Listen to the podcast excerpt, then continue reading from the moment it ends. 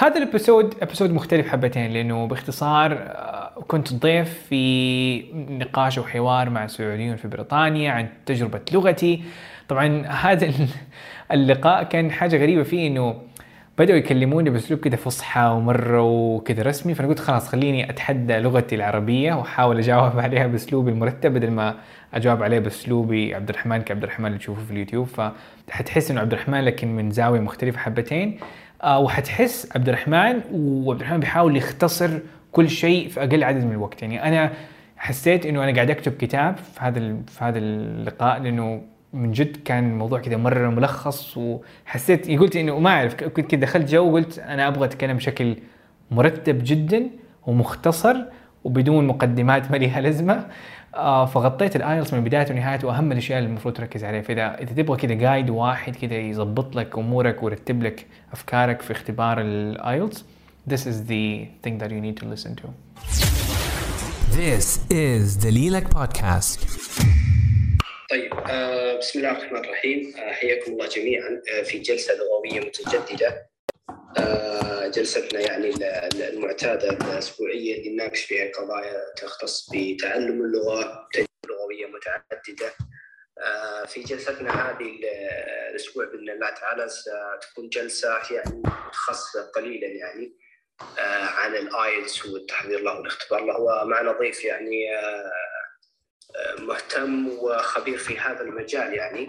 وحرصنا كثيرا على أنه الأستاذ عبد الرحمن يكون معنا في هذه الجلسة ليثري اللقاء ويعطينا يعني تجاربه وأيضا يشاركنا يعني بعض النصائح والفوائد والتجارب عن هذا عن هذا الموضوع. آه لترتيب اللقاء آه عندنا عدة محاور بإذن الله تعالى سنتطرق لها آه سنة أولا سنتكلم عن تجربة الأستاذ عبد الرحمن في تعلم اللغة بشكل عام ثم تجربته الفريدة أو الخاصة في في تعلم أو في اختبار ال IELTS تجاوز الاختبار الايلتس والطرق اللي استخدمها يعني وتجربته. ثم بعدين سننتقل لأقسام الاختبار كل قسم على حدة. نتطرق لتعريف القسم. إيش إيش أبرز الصعوبات فيه كيف يتجاوز الشخص هذا القسم. ومن ثم في نهاية اللقاء سنتيح المجال للأسئلة الاستفسارات آه عشان بس ما ما نلخبط اللقاء ويكون الفائدة أكثر. ما راح يكون في مداخلات خلال اللقاء إنما في نهاية اللقاء بإذن الله تعالى. سنفتح المجال للاستفسارات. ورجاء أن تكون الاستفسار مباشر ويعني مختصر قدر الإمكان حتى نفيد الجميع. آه طبعا آه الأستاذ عبد الرحمن آه هو متخصص يعني في اختبار الآيلتس وله تجربة جدا طويلة وممكن الجميع أغلبكم يعرفها يعني. آه وله في هذا المجال ما يقارب من خمس سنوات ما بين يعني التدريب وإعطاء النصائح والتجارب ومشاركة تجاربته تجربته مع الجميع. آه ويعني يحاول إنه يعني يفيد الجميع ويختصر لهم أنا هو ممكن عاش شخصيا يعني في تعلم اللغة وفي يعني اختبار الايلتس. اولا خليني أرحب بالأستاذ الرحمن حياك الله أستاذ الرحمن معنا الليلة وسعيدين باستضافتك. أهلا وسهلا ربي يحييك وفرصة رهيبة صراحة أتذكر إنه كان لي لقاء في أتوقع في السناب قبل أربع سنوات أو شيء زي كذا في السناب شات كانت استضافة من عندكم فجميل جدا إنه تكون استضافة وبإذن الله رب الجميع يستفيد وتكون حاجة كذا ملخصة ومختصرة للجميع. بإذن الله تعالى حياك الله مرة أخرى و طبعا حسابنا هو يعني يستهدف بشكل كبير المبتعثين واللي لهم يعني دائما يعانون في مسألة ربما الاختبار ال IELTS. طيب خلينا نبدأ في البداية ناخذ تجربتك الشخصية في تعلم اللغة دون الاختبار ال IELTS. طيب حلو فدو طيب ممتاز فالحين دون اختبار ال IELTS فخلينا نبدأ باللغة طيب تجربتي مع اختبار مع مع مع تعلم اللغة كانت حرفيا تجربة زي أي شخص ناوي يطور لغته. إنه أوه كان لغتي سيئة الشعور هذا يجي إنه لغتي سيئة أحتاج أطور من نفسي. ف... فهنا تبدأ جولة المحاولات. يعني آه يعني أنا بدايتي باللغة أو عشان نعطي كذا خلفية سريعة للجميع فبدايتي باللغة كانت فقط مبنية على مناهج دراسية رسمية. ما في أي كلمة زيادة ما في أي معهد زيادة ما في أي حتى ما ما ما كنا نسافر برا يعني برا دول الخليج وزي كذا فما ما كنت تكلمت مع native speakers آه ف طبعا أول شيء في بالي جاء في بالي جميل جدا اللغة عبارة عن vocabulary و grammar فأنا أكيد سيء فيهم أكيد أنا لأنه دائما كنت أعاني في فهم ال grammar أفهم ال grammar أنساه أتلخبط فيه.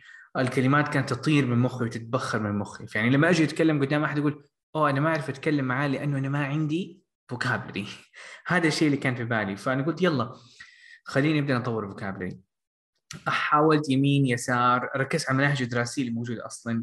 حاولت أركز عليها من ناحية طورت نفسي إيوه في ال vocabulary راجعت ال grammar لكن لما أجي أتكلم ما عندي الجرأة إنه أتكلم وأسمع أو أفهم native speaker يتكلم بسرعة طبيعية وأفهم عليه. فقلت طبعا شكله لازم أختم شيء اسمه فوكابلري أو على قدي يعني. فعشان أتحول من مستوى المبتدئ إلى مستوى فما فوق. فقلت إيش رأينا نسوي؟ مشروع كبير. مشروع حرفيا أسميه مشروع كذا يفكني من اختبار من من من, من اللغة معليش بالكامل. فرحت مكتب جرير. دورت رحت على قسم القواميس دورت على أصغر طبعا قاموس ما شاء الله 60 ألف كلمة وشي زي كذا فقلت هذه مستحيل أحفظها. فدورت على أصغر قاموس أتوقع اسمه دحين Ladybird Pocket Dictionary فلقيته واخذته كانت في 4300 كلمة آه، أهمهم يعني في, ال English وبديت أعتكف عليه لمدة أربعة أشهر ست ساعات يوميا. عندي دفتر وعندي هذا ال dictionary أحفظ أحفظ اعيد الكلمة اترجمها أحفظ أحاول أترجم أترجم أترجم أترجم وأحفظ أكتب مثال and so on. طب ال- ال- يعني النتيجة كانت حفظت. وهذه كانت الجزء اللي هو الجزء الأول من تجربتي. مشيت على التجربة هذه خلصت ستة أشهر وفعلا ممكن في خمسة أشهر مو أربعة في خمسة أشهر خلصت ال- الكلمات هذه. آه وكنت اراجعهم بكثرة لكن يجي بعدها بكم يوم أتذكر إنه قلت يلا اليوم أنا ختمت الموضوع أفتح BBC News عشان أفهم كل شيء لأنه زمان كان أحد قال لي إذا تبي تقرأ لازم تقرأ لازم تاخذ تقرأ English عشان تطور مستواك. فوقتها BBC News ما كنت أفهم منه الا 10% ففتحت BBC News أقرأ أول سطر أعلق في السطر النص أقول الكلمة السادسة هذه شكله أنا أتذكر إنه أنا شفتها في مكان ما. وأعلق وترجم وأقول أوه هذه الكلمة ذكرتك بشويه ويجي السطر الثاني الكلمة الثانية أقول هذه الكلمة كمان شكلها مألوف. وحرفيا كذا عندي 15 يعني نفس حسيت نفسي إنه أنا تطورت ممكن ب 10 20% لكن باقي الكلمات هي صح.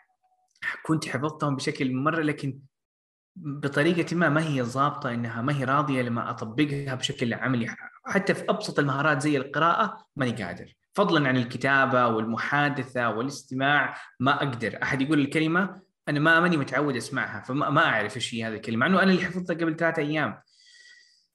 فهذا ودني في- لفترة ثانية اللي هي فتره التحطيم التحطم قلت خلاص أحس إن ال English ما هو لي آه لكن كان عندي دافع كان عندي دافع لا خلينا نحاول كيف الناس هذول يتعلموا طبعا كل الناس كانوا يقولوا لازم تبتعث ولازم لغة ولازم سنة لغة ومدري إيش.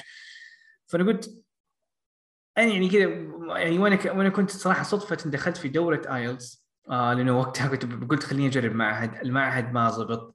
آه قالوا لي ما عندي مستوى عندنا مستوى بعد رمضان فدخلت مع دوره, IELTS ولقيت أحد معانا من الشباب مستواه كان بالضبط زي مستواي وجاء في يوم من الأيام في نص الدورة وأنا وهو كنا يعني يائسين من شيء اختبار ال IELTS كنا جالسين في نهاية الفصل ما إحنا فاهمين ولا شيء درجتنا في الاختبارات التجريبيه كانت تطلع اثنين ونص من تسعة.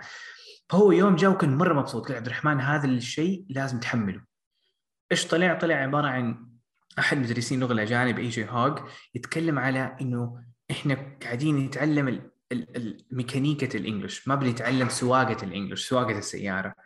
آه وهذه تبدأ بطريقة تعلمنا العربي اللي هي الاستماع الاستماع الاستماع المتصل بشكل جدا متصل. فأنا فعلا قلت أنا خلاص أنا سويت كل شيء سويت من أصعب الأشياء. قلت هذه بسيطة أستمع وخلاص. من هناك استمعت لمدة أسبوعين. البرامج الصوتيه كنت فاهم أغلبها لكن بعد ثلاثة أش- أشهر أنا كنت على مستوى آه تقدر تسميني متقدم إلى فوق المتوسط واختبرت بعدها IELTS بأسابيع بسيطة آه اشهر أس- أسابيع بسيطة درجة ستة ونص من الاختبار. آه، وهذه مع. هنا هنا بدأت قصتي مع. مع, ال... مع ال IELTS سواء فأنا بالنسبة لي الممارسة ال English بفهم الاستماع بفهم والقراءة بفهم والكتابة الحرة والمحادثة الذاتية الأربع مهارات ممارستها على شكل يومي هو الشيء اللي صنع الفارق المو طبيعي. آه، جميل جدا. ما شاء الله تبارك الله. آه، تجربة جدا جميلة يعني وأنا أفكر كذا وأنت جالس تعرض التجربة. آه، يعني في بعض بعض الأمور اللي ذكرتها منها يعني إنه الإنسان ما يتوقف عند أي أي مرحلة فشل أو عقبة تواجهه مهما كان يعني. اللغة صح أنها شيء جديد على الإنسان ومن المتوقع إنه يصادف أشياء صعبة ومشاكل لكنه يظل لازم يحاول بالضبط يواصل المحاولة. صح صح. آه خلينا ننتقل لتجربتك مع مع ال IELTS يعني واللي آه إحنا نحب نسمعها. يعني يمكن أنت عرضتها أكثر من مرة في أكثر من لقاء لكن آه نود إنه أيضا نسمع لتجربتك الخاصة مع ال IELTS. متى بدأت؟ إيش ال إيش ال الصعوبات اللي واجهت؟ كيف تخطيتها؟ وهكذا جميل جميل. آم طب هو هو هو يعني تجربتي مع ال IELTS عشان كذا نوعا ما قلت لي إنه عبد الرحمن تجربتك في اللغة بدون ال IELTS ففصلتها يعني نوعا ما. لكن هي قصتي مع مع اللغة وال IELTS بدأت مع بعض تحديدا. لأنه كنت زمان يعني كنت آه يعني لما كان مستوى زي ما قلت لك صفر كان في بالي أدخل معهد عشان اطور لغتي زي أي أحد يتمنى انه يكون يلاقي إجازة صيفية وفي الثانوي وأنا كنت وقتها في الثانوي فكان ما كان عندي IELTS شيء قريبا أختبره وما كان في الرادار عندي أصلا. ف دخلت الدورة رحت أكتب معهد عجبني المعهد معين ما بذكر اسمه عشان عجبني معهد معين. قالوا لي عبد الرحمن الدورة حقتك المستوى حقك هذا آه اللي هو أتوقع مبتدئ أو شيء زي كذا قالوا هذه بعد رمضان ما عندنا وأنا وأنا كان كان باقي وقت كويس على رمضان فقلت لا طب إيش الدوره اللي عندك؟ قالوا عندنا بس دورة ايلتس المقاعد الوحيدة المفتوح فيها فقلت يلا أدخل لأنه أنا وقتها سمعت عن IELTS سمعت عن الابتعاث وطبعا بالنسبة لي كان طموح إنه يعني أنا شخص كنت أبغى أتعلم أبغى أروح للشيء اللي بعده أبغى أتعلم أطور من مهاراتي وسمعت عن هذا الاختبار من الاشياء الثقيله شوية فقلت يلا ليش لا؟ ليش ما ندخل؟ فأنا أتذكر حذروني قالوا عبد الرحمن هذا ما حيطور مستواك هذا اختبار يعرفك بال IELTS قلت طيب إيش المشكلة؟ أنا أعرف الاختبار واطور نفسي. ف المعهد خلاص المعهد كان دورة تعريفية. يعني كانت دورة تعريفية عن إيش هو اختبار ال IELTS وادونا اختبار تجريبي. زي ما قلت لك أنا كنت في نهاية الفصل واكتشفت نفسي إني الفاشل الوحيد. أو معايا شخص صاحبي اللي إحنا الاثنين قلنا قلنا أنا وأنت إحنا ميؤوسين اختبار ال IELTS وكان أيوه يعني كنت اتحطمت. يعني كنت يعني كنت نوعا ما منصدم بصعوبة الاختبار وكيف إنه بيقيس على مستوى جدا عالي. يعني الناس الشباب اللي كانوا فعلا مستفيدين من الموضوع وكانوا متحمسين وتفاعلوا مع المدرب كان مستواهم ستة ونص. فانا أنا فين وستة ونص فين؟ كانت المجال مرة متباعد جدا. ف لكن يعني فايوه تحطمت بعد زي ما قلت لك جربت ال vocabulary. بعدين أحد قال لي هذاك الشخص قال لي عبد الرحمن عندك الاستماع البرامج الصوتية؟ فأنا سبت ال IELTS بعدها مع إنه ادونا قال لي أنا قلت سيبك من ال IELTS ال IELTS ما هو لي أبغى أطور لغتي. وهذا أول خطأ سويته إنه أنا سبت شيء اسمه IELTS وقلت خليني أول شيء أطور لغتي. وهذا حرفيا بطأ تجربتي مع ال IELTS لمدة سنة كاملة. يعني إذا كنت بديت بالاثنين مع بعض حد كان قال لي إنه يمديك تطور لغتك. آه إذا مستواك مبتدئ فما فوق المبتدئ مع ال IELTS آه يمديك تسوي في أشهر بدل سنوات. ف...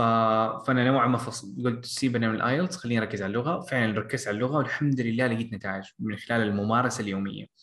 اللي دائما أتكلم عليها وأشير إليها بساعة التطوير ال English. ف فهي هي عبارة عن مبدأ بالنسبة لي وأنا أقول هذا المبدأ الساعة واحدة هذه تعادل المعاهد وأكثر منها. مع إنه الاكاديميين ممكن يرتبكوا من الجملة هذه.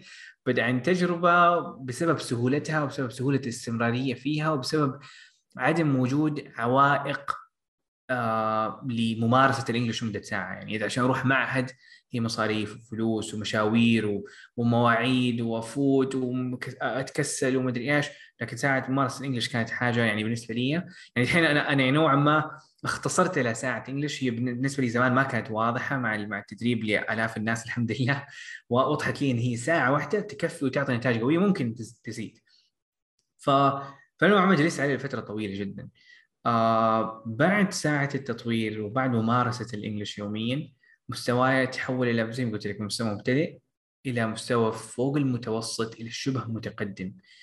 فقلت يلا خليني أختبر اختبار ال IELTS طيب وقتها حرفيا الموضوع كان صحراء في الإنترنت عن اختبار ال IELTS أكتب IELTS تجيني مدونتين مقالين من المدونة منتديات وزي كذا.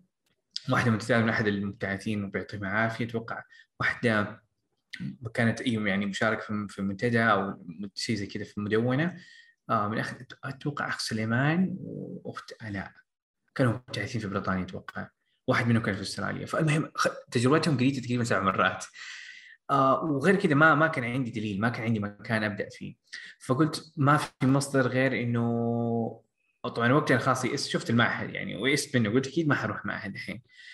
فأخذت كتب ايلتس خلصت قلت خليني آخذ الكتاب وأخلصه. يعني الطريقة الطبيعية. حرفيا أخذت فوق ال 20 ل 25 كتاب ال IELTS وأنا قاعد أذاكر. كتاب من صفحة الأولى صفحة النهائيه خلص الكتاب اللي بعده اللي بعده اللي بعده. منها كتب practice منها كتب يسموها تكنيكات وزي كذا. ما كانت تكنيكات. ومنها كتب رهيبة زي كتاب IELTS 111 أتوقع هذا اسمه. فكان في كتب عدة كتب آه استخدمتها مثلا كتب كامبريدج حق الاختبارات التجريبيه كانت رهيبة. فبعض الكتب كانت رهيبة بعض الكتب في أجزاء منها كانت رهيبة وفي بعض الكتب كانت حرفيا تكرار للأشياء القديمة اللي تتقال وبعضها كان حرفيا تعريف بال IELTS وهذا اللي ما ساعدني ابدا.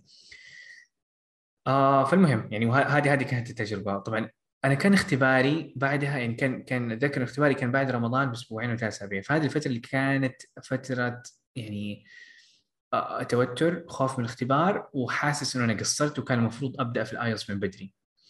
وهذا الشعور صراحة نسميه الشعور الملازم لاختبار ال IELTS مهما كان مستواك رهيب أنت إذا أنت ما توترت من تعقيد ومن معيار اختبار ال IELTS هذا ما هو اختبار IELTS كل شخص فينا حتى أنا اليوم إذا أروح أختبر اختبار IELTS أنا ححس إنه أنا خبصت في اختباري. ومع إنه أنا ممكن أجي مو الحمد لله يعني أجيب الثمانيه فأنا حروح أجيب الثمانيه لكن ححس إنه خبصت فما بالك بالشخص اللي يجيب الستة. مع إنه ستة درجة مرة قوية.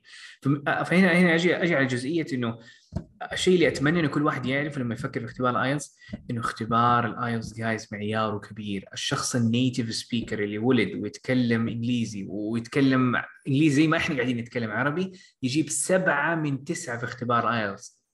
ففاهم علي؟ فمعياره كبير و يعني وطبعا ما هو مطلوب منك تجيب الثمانيه وتسعه، لكن الستة أسهل بكثير من التسعة.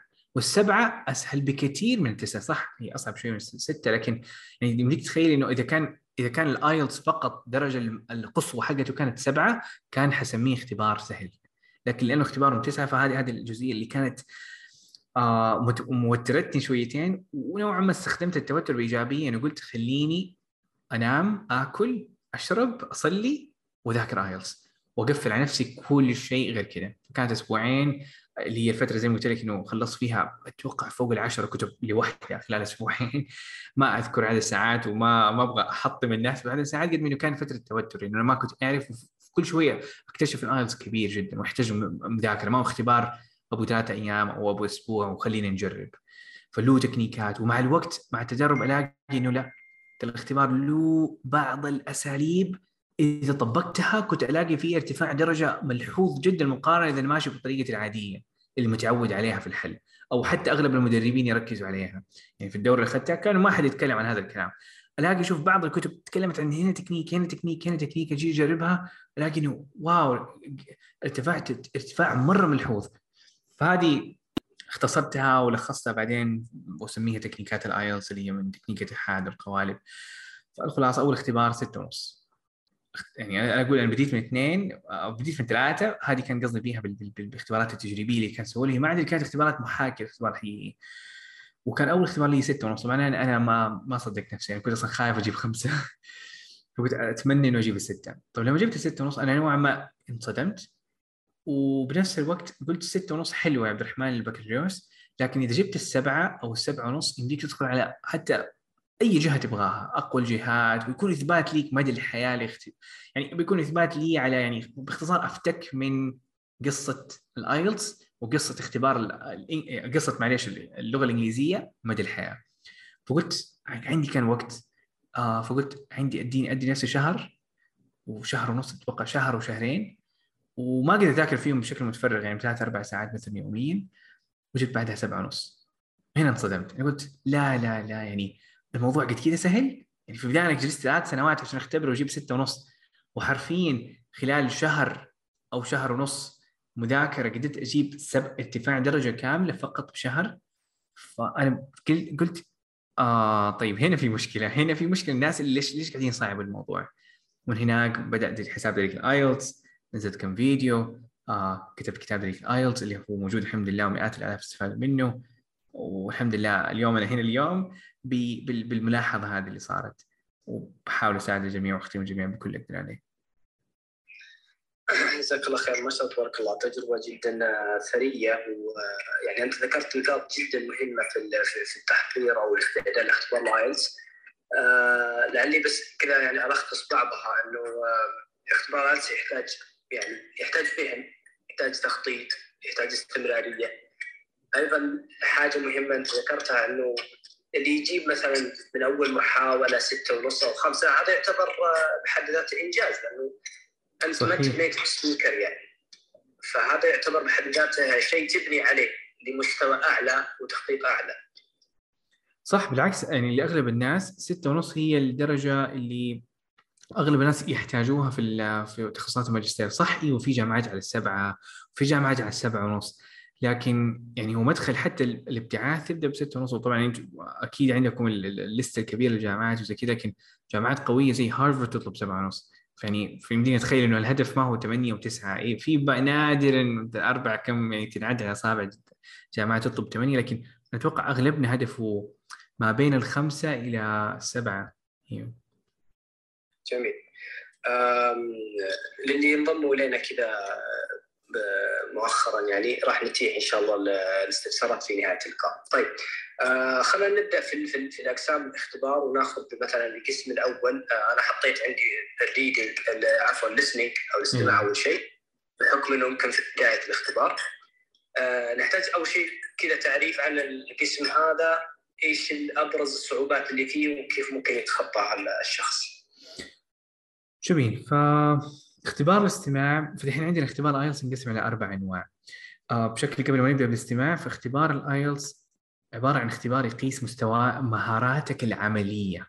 يعني ما هو اختبار إحنا متعودين عليه vocabulary و idioms و grammar وزي كذا لا. آه، وما هو اختيارات. تمام؟ هو اختبار يقيس مهارات عملية ويحاول قد ما يقدر يقيس مهارات حقيقية. وأنا أتفق من تجربتي أشوف هذا الموضوع يعني هذه من هذا من أحد أسباب نجاح اختبار IELTS وليش يعتبر اختبار قد كذا معتمد. فهو اختبار تقريبا ثلاث إلى ثلاث ساعات نقدر نقول. آه، ثلاث إلى أربع ساعات آه، بالمهارات الحقيقية ال IELTS الاستماع والقراءة والكتابة والمحادثة. لاحظ ما في قسم grammar ما في قسم vocabulary نبدأ بمهارة الاختبار ينقسم على نوعين. اختبار تحريري اللي هو استماع قراءة كتابة. واختبار مقابل اللي هو اختبار محادثة. فزي ما قلت إنه حنبدأ بالترتيب فنبدا بمهارة الاستماع أو باختبار الاستماع فقسم الاستماع في اختبار ايلتس عبارة عن اختبار مدته تقريبا 40 دقيقة والفكرة هنا فيها إنه أنت حتسمع مقطع صوتي وعندك 40 سؤال قدامك وعليك تقرأ وتجاوب ال ال ال الأسئلة هذه وأنت قاعد تسمع بنفس الوقت. فايوه الموضوع يبدو إنه شوية مختلف عن إنه أسمع بعدين اترجم لا هو حيسمع حيستمع صح في break ات في وقفات وفي وقت لقراءة الأسئلة وزي كذا لكن ال core حق القسم هذا إنه حتسمع وتقرأ وتجاوب على الأسئلة بنفس الوقت. وتبدأ تبدأ بالأسهل وتروح للأصعب. 40 سؤال وبناء على أجوبتك ل 40 سؤال هذه بيدوا لك درجه من واحد إلى تسعة في اختبار IELTS ونفس الشيء يسووه في القراءة الكتابة المحادثة ويجمعوا الدرجه الدرجات كلها وياخذوا المتوسط. وهذه تكون درجتك الكليه ففي كل قسم باختصار بيدينا ال IELTS درجة معينة وهذه الدرجة هي الدرجة اللي هو نسميها ال parts حقت الاختبار وتكون المتوسط حيكون الدرجة الكلية. فهذا باختصار شديد عن مهارة الاستماع. بشكل عام. جميل. آه ما أدري أنا عندي شعور أو كذا. إنه اختبار الاستماع هو ربما يكون الأسهل من بين الاقسام الأخرى. ما ادري إيش الانطباع هذا لكن فعلا فعلا فعلا. يعني هو حتى إحنا إحنا لما نف... لما نسمع عن كتابه نقول أوه أنا ماني حق الكتابة. إلا في ناس معينين. ونفس الشيء في القراءة. تقول القراءة ثقيلة شوية. فعلا قسم القراءة ثقيل مرة. فيبقى لنا القسمين نسميهم الأسهل قسمين مع بعض. يعتمد على شخصية الشخص إيش وضعه. مثلا بالنسبة لي الاستماع كان أسهل مهارة. والمحادثة كانت ثاني اسهل مهاره بعدين القراءة كانت من أسوأهم والكتابة هذول الاثنين كان وهذا أتوقع الغالبيه الناس عندهم نفس الفكرة هذه آه يعني بكلامك أتذكر جزئية إنه طب إيش هو السر في قسم الاستماع؟ يعني اديني عبد الرحمن كذا خلاصة كذا واحدة طبعا طبعا قناتي في اليوتيوب أنا أسميها. أسميها الدوره اليوتيوبية حرفيا رسميا يعني بالنسبة فرتبت لك كل التكنيكات آه مقسمة ومرتبة في القوائم التشغيل في هذه الأمور اللي حابب ترجعها في الخدمة بإذن الله. لكن الخلاصة في قسم الاستماع هنا تيجي عبارة عن إنه الاستماع ما عندك وقت إنك تجاوب وتفهم وإنه هو تسمع وتقرأ وتجاوب بنفس اللحظة. فأنا قلت في عندك أوقات لتجهيز الأجوبة قبل ما يبدأ المقطع الصوتي. هذا الوقت من ذهب. يعني الوقت إذا استغليته في قراءة الأسئلة وخمنت فيها الأجوبة قبل ما أصلا المقطع الصوتي يشتغل أنت نص الإجابة عندك. والنص الثاني في التركيز إنك تكون نايم كويس قبل الاختبار لأنه التركيز هي حاجة ما أقدر أقول لمخي مخي ركز لا هو عبارة عن إذا أنا مرتاح وماني ماني طبعا في توتر لدرجة لدرجة معينة لكن إذا نايم كويس مخي مرتاح حيمديني أركز والتركيز هنا هو الجزء الكبير. طبعا هنا تيجي مشكلة أخيرة. اللي هي مشكلة الإملاء. أي مشكلة في الإملاء أي خطأ في الإملاء يحسب والشخص ينقص درجة وهنا كل الناس يزعلوا من اختبار IELTS لأنه هذا اختبار استماع ما هو اختبار إملاء. بس هو هم مسوينها إنه اختبار استماع الإملاء فيه مهم وأغلب الاسئله فراغات. فهو أغلب الناس يغلطوا في الإملاء وأنا أسميها هذه مشكلة كتابة ما هي مشكلة استماع. فلا تركز فيها الآن لما تيجي على قسم الكتابة هي automatically حتتطور. فهذا بالنسبة لقسم الاستماع باختصار يعني خلاصة خلاصة. جميل جميل. خلينا ننتقل لقسم القراءة. يعني كيف كيف نتعامل مع القسم؟ آه، القطع فيه جدا طويلة وأسئلة ما هي باسئله سهلة يعني. بالضبط. آه، مش أسئلة مباشرة في أسئلة معقدة. فكيف نتعامل مع هذا القسم؟ طيب آه خلينا نخوف الجميع اولا. فبالضبط زي ما قلت قسم القراءة في مشكلتين كبار جدا. المشكلة الأولى هو صراحة أنا بالنسبة لي إذا أنت ما فهمت التحدي ما حتعرف كيف تحل الاختبار. فأنت عليك تفهم إيش الصعوبة اللي موجودة وبعدين يجيب الإيجابية وإيش الحل. فأجيب الواقعية هنا. لما أنت حتشوف الاختبار احتمال قراءة احتمال تنصدم. ليه؟ لأنه عندك قطع طويلة جدا طويلة جدا وعندك 40 سؤال وعندك فقط 60 دقيقة. ف اختبار طويل والوقت مرة قصير. طيب هنا نقول الحمد لله. طيب بس كذا يا عبد الرحمن؟ لا مو بس كذا. لما أجي أحل القطع معقدة. وما في سؤال سؤال مباشر. كل. أنا أقول تقريبا من 40 سؤال 35 سؤال ما يجي بالنص. خمس أسئلة ممكن تجي بالنص وهذه نسميها كذا هدية أسئلة الهدية. وتجي لك فعلا هي تقريبا من خمسة.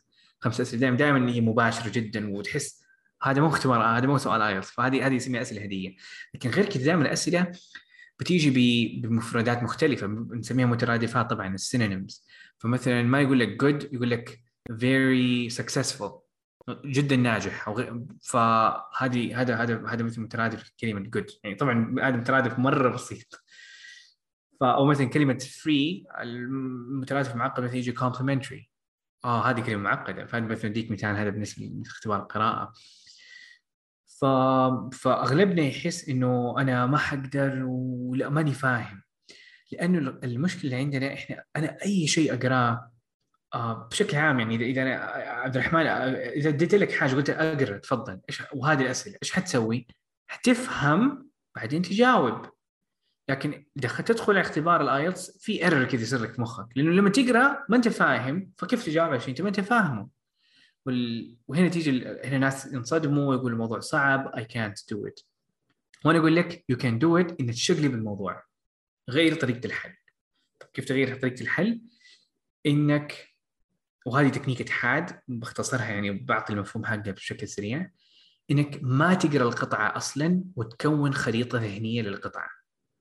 مثلا الجزء الأول من القطعة الفقرة الأولى يقول لك المقدمة الفقرة الثانية تتكلم عن أنواع البرتقال الفقرة الثالثة تتكلم عن مين أول شخص اكتشف البرتقال أو النوع الرابع يتكلم مين الشخص اللي أخذ زرع البرتقال في أفريقيا مثلا. حلو؟ فهذه هذه فقرات. طيب أنا في عندي خريطة ذهنية مرة بسرعة خلال دقيقتين ثلاثة. ما حتقرأ ما حتفهم بس تكون خريطة ذهنية بناء على فهمك. خلال دقيقتين ثلاثة دقائق ما قريت شيء لسه تروح للأسئلة وأسميها تفكفك وتحلل الأسئلة.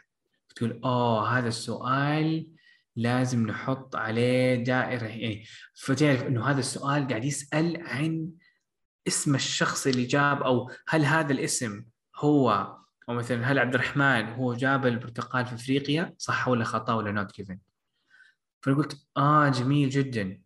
ح- حاجي الخطوة الثالثة إنه أقول خليني أدور في المكان الصح. ما أقرأ القطعة كلها من البداية للنهاية خليني أقرأ الفقرة اللي فيها أو المكان اللي فيه ال- الاجابه ادور على الكلمات الدلالية والكلمات القريبة منها ولما ألاقي إنه شكل الاجابه قربت أوقف وهنا أقرأ. دقيقة فلاحظ أنا ما قلت أقرأ القطعة أو أقرأ الفقرة كمان أقول أدور على الكلمات القريبة ولما ألاقي الكلمة القريبة أقرأ فقط هذيك الجملة. تمام؟ فاقرا هذيك الجملة ومن هناك أحاول أستنتج الإجابة وأكتب الإجابة. فإيش سوينا؟ تجاهلنا قراءة القطعة تماما فقط قرأنا جملة واحدة عشان نجاوب على سؤال واحد. وانتهى. فإذا عندك 13 سؤال في القطعة الواحدة فقط حتقرأ 13 طبعا بشكل مثالي شوية طبعا هذا الشيء ما حيصير. لأنه هذا مثالي حتجيب فيه. يعني هذا أنا أنا أسويه وأنا أكون مبسوط مرة إذا إذا قدرت أسويه بالكامل. فعشان تجاوب على 13 سؤال حتقرأ فقط 13 جملة بدل ما تقرأ فوق ال 30 جملة. فهذا حيوفر لك الوقت وحتى حيسهل لك إنك تجلس وتحاول تخمن لأنه اختبار القراءة عبارة عن تخمين بنسبة كبيرة جدا. يعني الكلمات الصعبة مستحيل تغطيها.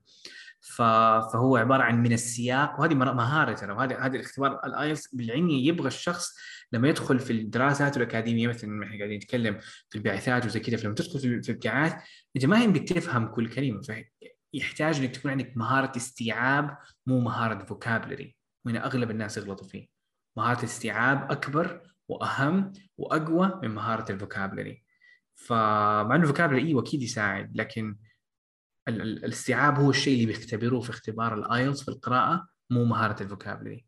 فهذه خلاصة تكنيك حاد تكلمت عليها طبعا بشكل مرة مفصل. آه بس هذه الخلاصة. جميل جدا. آه يعني هو المهارة تعتمد على إنه تفهم السؤال تروح تبحث في المكان المناسب بدون ما تقرأ. يعني هي مهارة. استنتاج استنتاج وبحث. آه، بحث الاستنتاج عن نعم.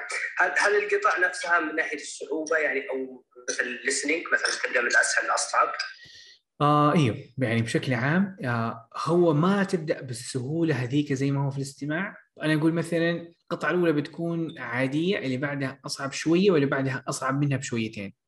يعني مثلا الاستماع سهل متوسط صعب. يعني في فرق واضح بين الأقسام. لكن في القراءة الفرق أغلب المختبرين ما لاحظوا إنه في كان في فرق. مع إنه هو في فرق وفي فرق شوية ملحوظ يعني. لكن آه ونصيحتي طبعا إنه تعطي الوقت للقطعه الأولى وتحديدا على حسب مستواك. يعني هي عندي ثلاثة تكنيكات أو ثلاثة أساليب لتقسيم الوقت. إذا مستواك مبتدئ آه، والدرجة المطلوبة يعني إذا أنت مستواك حاليا مبتدئ وبتجيب درجة على خمسة وهدفك خمسة بس فحتحل أول قطعتين فقط والقطعة الأخيرة حتخمن فيه الأجوبة وتسيبها بدون ما تحل أي شيء. إذا مستواك متوسط على ستة وقتها حتعطي وقت متساوي 20 دقيقة 20 دقيقة 20 بالملي ما زود عليه ولا دقيقة.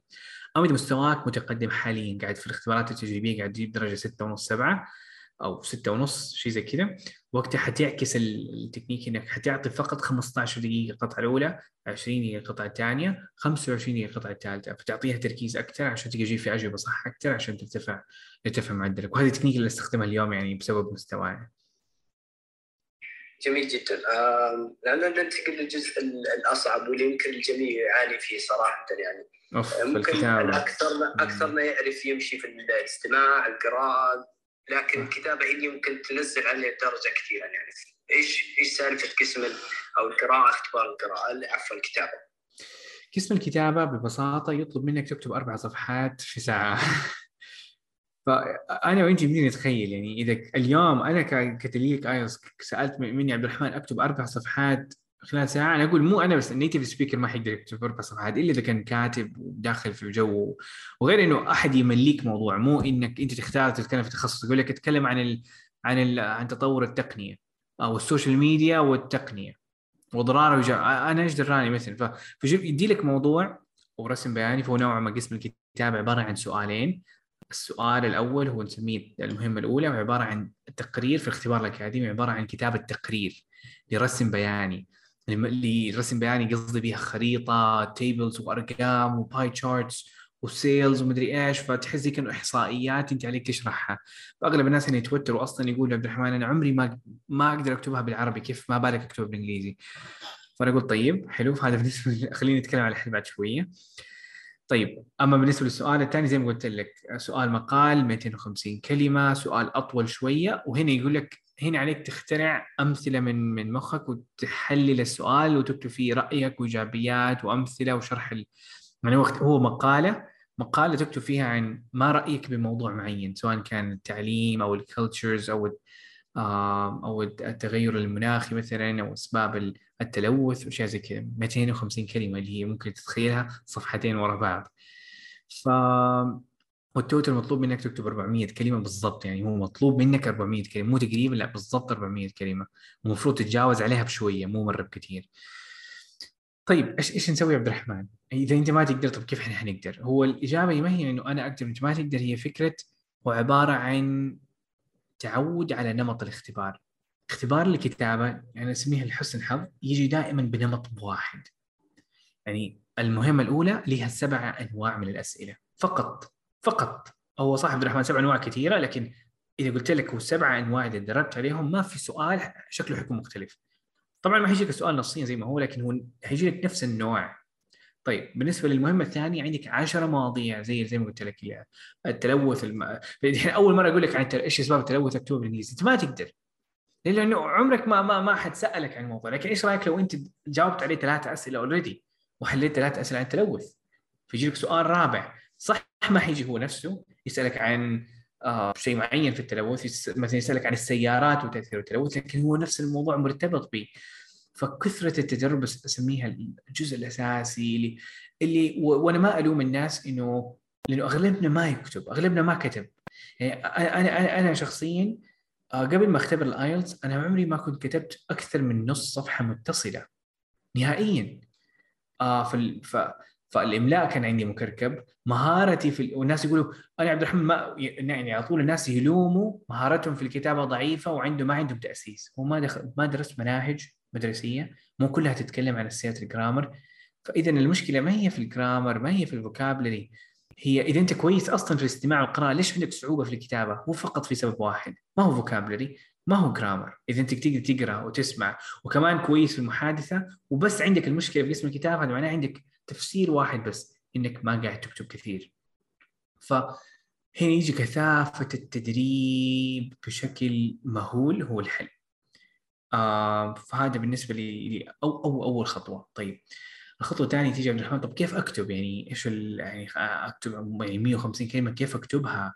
يعني إيش المطلوب مني؟ هل أقسمها على جمل؟ هل أكتب ثلاثة اسطر ورا بعض؟ هل ألخص الكلام؟ هل أرتب الكلام؟ كيف أرتب؟ إيش المطلوب مني أصلا؟ يعني أنا مثلا حلو أكتب مقال لكن بس مقال كذا من مخي لا هو في ستايل معين اختبار ال IELTS دائما يتوقعوا منك ويحبوا ويفضلوا فأنا اختصرت عدة يعني تكنيكات إلى ما لا نهاية في شيء أسميه قوالب. القوالب هذه عبارة عن زي قالب الكيكه أحط البيض ومدري إيش والدقيق واخلطهم ويطلع لك بالضبط بنفس الشيء المطلوب منك آه، تقدمه وتاكله نفس الشيء في في في, ال task أنت بتحط بعض التفاصيل يقول لك مثل القالب يقول لك this is أو this uh, فراغ أو this table shows that مثلا. آه وهنا أقول لك عيد عيد صياغة السؤال فقط. ما أبغاك تكتب أبغاك بس تعيد صياغة السؤال المكتوب فوق غير غير فيه كلمتين حط كمترادف آه وانتهى الموضوع. آه فهذا هذا هو الحرفين كل اللي مطلوب منك آه بخ يعني باختصار شديد في قسم الكتابة. فاستخدامك للقوالب بيبسط لك مفاهيم معقدة جدا في الكتابة وكل عليك تسوي إنك تعبي الفراغات. فبدل ما تكتب 400 كلمة ورا بعض حتكتب 10 كلمات هنا 10 كلمات آه، تكتب رأيك خمسة كلمات تكتب ال topic sentence أو مدري كم كلمة بعدين 20 كلمة تكتب سبب على شرح ال topic sentence بعدين كم 10 ل 15 كلمة لتدي مثال وزي كذا. وجمل الربط كلها موجودة هيكلة الفقرات كلها موجودة فتدي لك الهيكلة الأساسية اللي تحتاجها. وهذه نتائجها يعني من شخص عمره ما قد كتب. مبهرة تكون انه واو أنا قدرت أصلا أعبي أكتب يعني أغلبنا خصوصا لما يبدأ التحدي ما يكون إنه أنا سيء في الكتابة، التحدي يكون أصلا أنا ماني قادر أكتب الكلمات المطلوبة، مطلوب مني 150 كلمة في المهمة الأولى، أنا ما أقدر أوصل لها. والإجابة القوالب اذا بديت تستخدمها وفهمتها صح بغض النظر عن مستواك تقدر توصل 150 كلمة. وهذا أسميه هذا أول إنجاز. بعد عليك تتدرب تتدرب تتدرب تحسن من نفسك تحسن من نفسك. وتستمر على التدرب تتدرب على الانواع المختلفه وتشوف تجارب أو تجر... تشوف آه مقالات الناس الثانيين ومن هناك راح تتحسن تحسن جدا من بإذن الله. جميل جدا. آه آه أنت ذكرت جدا نقاط آه، جدا مهمة من تجربتي يعني في اختبار الكتابة كانت أحد المشاكل عندي اللي هو ما هو كم أكتب يعني أنا بقدر اعبي صفحه صفحتين ما عندي مشكلة إيه. لكن هو تنظيم الكتابة نفسها الترابط بين الفقرات نفسها استخدام الأفكار صح. ما هي المشكلة في الكم؟ بقدر ما هي في النوع صح صح. هو هذا بالضبط يجي على حسب المستوى. فانا أنا دائما أتكلم بشوف أنا قاعد أتكلم مع مين. فأغلب الناس بيبدأوا مستواهم سيء. فهذه مشكلة الناس اللي مستوى مستوى كذا مبتدئ على أقل متوسط ما حتقدر توصل للكلمات. بعدين لما نيجي للمستوى المتوسط آه هنا المستوى المتوسط ما شاء الله يقدر يكتب. يقدر يكتب بالعكس 600 كلمة خلال ساعة لكن هنا تيجي لا هو مطلوب منك فقط 400 كلمة. لا تكتب له 600 كلمة ما حتجيب درجات إضافية. بعدين الاختبار يركز على المعايير حقته اللي هي جودة الكتابة تعقيدك استخدامك للكلمات المتنوعة تنويعك ليها. هذه الأمور الاختبار مهتم بها كثير وهذه زي جمل الربط ترتيب الأفكار مثلا كلمة معينة إذا كررتها كل شوي مثلا كلمة هذا الشيء very important وهذا الشيء very important وهذا الشيء very خلاص الدرجة بتنخسف ليه؟ لأنه استخدمت نفس الكلمة عدة مرات فلغتك صارت ركيكة جدا. آه نفس الشيء بيصير في الجرامر إذا استخدمت زمن واحد وما قاعد تعقد ما قاعد تستخدم if أو although structures آه إيوه مع يعني درجتك حيكون ماكسيموم ليها حد معين خمسة خمسة ونص ما حتطلع فوق لما تستخدم هذا الأسلوب المعقد شوية. طبعا هذه تيجي بالمهاره بالتطور وبالاستمرارية. جميل جدا. عشان الوقت بدنا ننتقل لمهاره المحادثة أو اسم المحادثة. كيف نستعد له إيش المطلوب؟ كيف نتعامل في وقت الاختبار؟ أكيد. آه فمهارة المحادثة هو الجزء اللي نسميه للناس الانطوائيا صعب؟ زيي؟ وللناس بشكل عام هو من أسهل الاقسام لأنه قدامك مختبر حيجي يجلس كذا قدامك لمدة 15 دقيقة تقريبا كمتوسط آه وينقسم إلى ثلاث أسئلة آه ثلاثة أقسام معلش فهي توتل تقريبا 10 ل 15 سؤال آه في البداية تسألك أسئلة خفيفة كذا زي وارم اب كذا يجهزك شوي يقول لك كيف أمورك كيفك طيب إيش دراستك uh, do you work or you're a student um, what do you study إذا أنت كنت طالب uh, ويقول لك do you enjoy your studies? Or why did you select this uh, major? ليش اخترت هذا التخصص؟ وبعد يسألك شوية أسئلة عن الروتين والحياة مثلا عن هل تحب تمارس الرياضة هل تحب إعادة التدوير اي ولا لا وليش؟ فهنا أجوبتك بتكون أجوبة سريعة يعني متوسطة يعني ما بتتكلم ما هو عبارة عن اي ويس نو ولا ولا هو مقالة طويلة. فكذا لما شافه خلاص تكون جاهز ست سبع أسئلة بعد يقول لك الجزء الثقيل يجي اللي هو القسم الثاني. القسم الثاني يدي لك ورقة ويكون مكتوب فيها سؤال ويكون مكتوب فيها سؤال يعني عبارة عن سيناريو أو قصة أو مقالة كذا. يقول لك أتكلم عن صديقك المفضل اللي أكثر صديق مفضل عندك. متى قابلته فين قابلته هل دحين علاقتكم موجودة ولا لا؟ آه آه إيوه تمام؟ ويقول لك عندك دقيقة جهز فيها الإجابة. ويدي لك ورقه وقلم فأنت حتجهز تقول اوه هذا أحمد ومدري إيش. خليك تكتب تفاصيل بلا بلا بعدها يجي الجزء الثاني يقول لك يلا اتكلم على الأقل لمدة دقيقة كاملة. دقيقة كاملة. وماكسيموم دقيقتين. فهنا ما ما حيقاطعك. هنا هو حيحط المؤقت ويتفرج عليك. وهنا أنت عليك تتكلم لمدة دقيقة متصلة بأفضل لغة تقدر عليها. واللي قصدي بأفضل لغة إنه مرتين. لا تقول امبورتنت أربع مرات. ولا تعيد أفكارك. لا أنت عليك تتصل. وزي كأنك آه زي كأنك قاعد تلقي خطبة. آه يعني فاهم علي؟ يعني بقوة وبلغة قوية قد ما تقدر. وتشرح هذا السؤال على الأقل لمدة دقيقة أو ماكسيموم دقيقتين. جميل خلصنا هذا الجزء. يقول لك شكرا وزي كذا. ويجي القسم الثالث. القسم الثالث فكرته إنه يدي لك أسئلة نقاشية في أسئلة عمرك آه واحتمال جدا كبير إنه ما ما حد سألك هو السؤال هذا أصلا لا بالعربي ولا بالإنجليزي. ف طبعا ليها تكنيكات حتكلم عنها بعد شوية بس آه هنا هنا في هذه الجزئية يقول لك مثلا يدي لك سؤال هل تعتقد إنه الصداقة بتلعب في سعادة الإنسان أو شقائه في الحياة؟ سؤال كذا فلسفي جدا تقول له يعني درجه أنا بقول له في اختبار I don't know ما أدري إيش دراني تمام؟ وهذا سؤال مرة عميق بس هنا هدفهم أصلا إنه يكون عبارة عن سؤال نقاشي كذا جدا وزي كأنه يناقش الدكتوراه عندك. طبعا ما هو ما هو دكتوراه يعني لا أحد يخاف الموضوع. هنا قد ما إنه هو بالعنية وهدف هذا القسم إنه بيشوف الشخص كيف يجاوب على سؤال غير مجهز ليه يعني هو القسم الأول احتمال كبير إنك جهز الأسئلة اسئلته دائما مكررة واسئلته بسيطة أصلا. لكن لما يبغى يشوف إذا أحد سألك سؤال وسؤال جديد عليك كيف مخك يفكر؟ طبعا هنا المستوى يتأثر شوية. فهذا هذا هذا جزئية هنا إنه بحاول يشوف مستواك فيها وقديش بدك تتكلم. هو أهم شيء في هذه هذه الجزئية هو الطلاقة. هو إنك تتكلم كلام متصل وكلام مفيد. طبعا بدون تكرار. الطلاقه بدون تكرار هو اللعبة الأساسية في الموضوع. طبعا عندك المعايير الثانية ال vocabulary تنويعك واستخدامك للكلمات القوية المعقدة. طبعا ترفع الدرجة. آه، أخطائك في ال grammar طبعا بتنزل الدرجة. والعكس تنويعك لل grammar بترفع الدرجة. فكل هذه الأمور أكيد تلعب دور. في الموضوع لكن ال accent ما يلعب دور إذا accent عندك ما شاء الله تتكلم باللهجة باللكنة البريطانية والأمريكية لا هذه ما لها تأثير. إذا لكنتك واضحة حتى لو باللكنة الخليجية السعودية كذا آه حتظبط يعني عادي تقول له important. ما يحتاج تقول له important أو شيء زي كذا آه وال R مو لازم تكون R ممكن تكون الامبور شوي قريبة يعني كذا على ال R حقتنا. لكن ما ينفع تقول له beoble بدل كلمة people. يمديك تقول people لكن ما ينفع تقول beoble أو كلمة يعني تنطق الكلمة بشكل مرة غريب.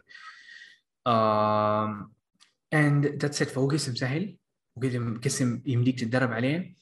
آه أنا بالنسبة لي هو عبارة عن تجارب. يعني لدرجة إنه في تكنيكات اتكلم عليها إنه كيف تيجي تفصل الأجوبة فموجودة في قناتي اتكلم عليها دائما. آه في تكنيكة روم لسه متوقع محادثة كمان حاجة آه أنصح بيها بقوة.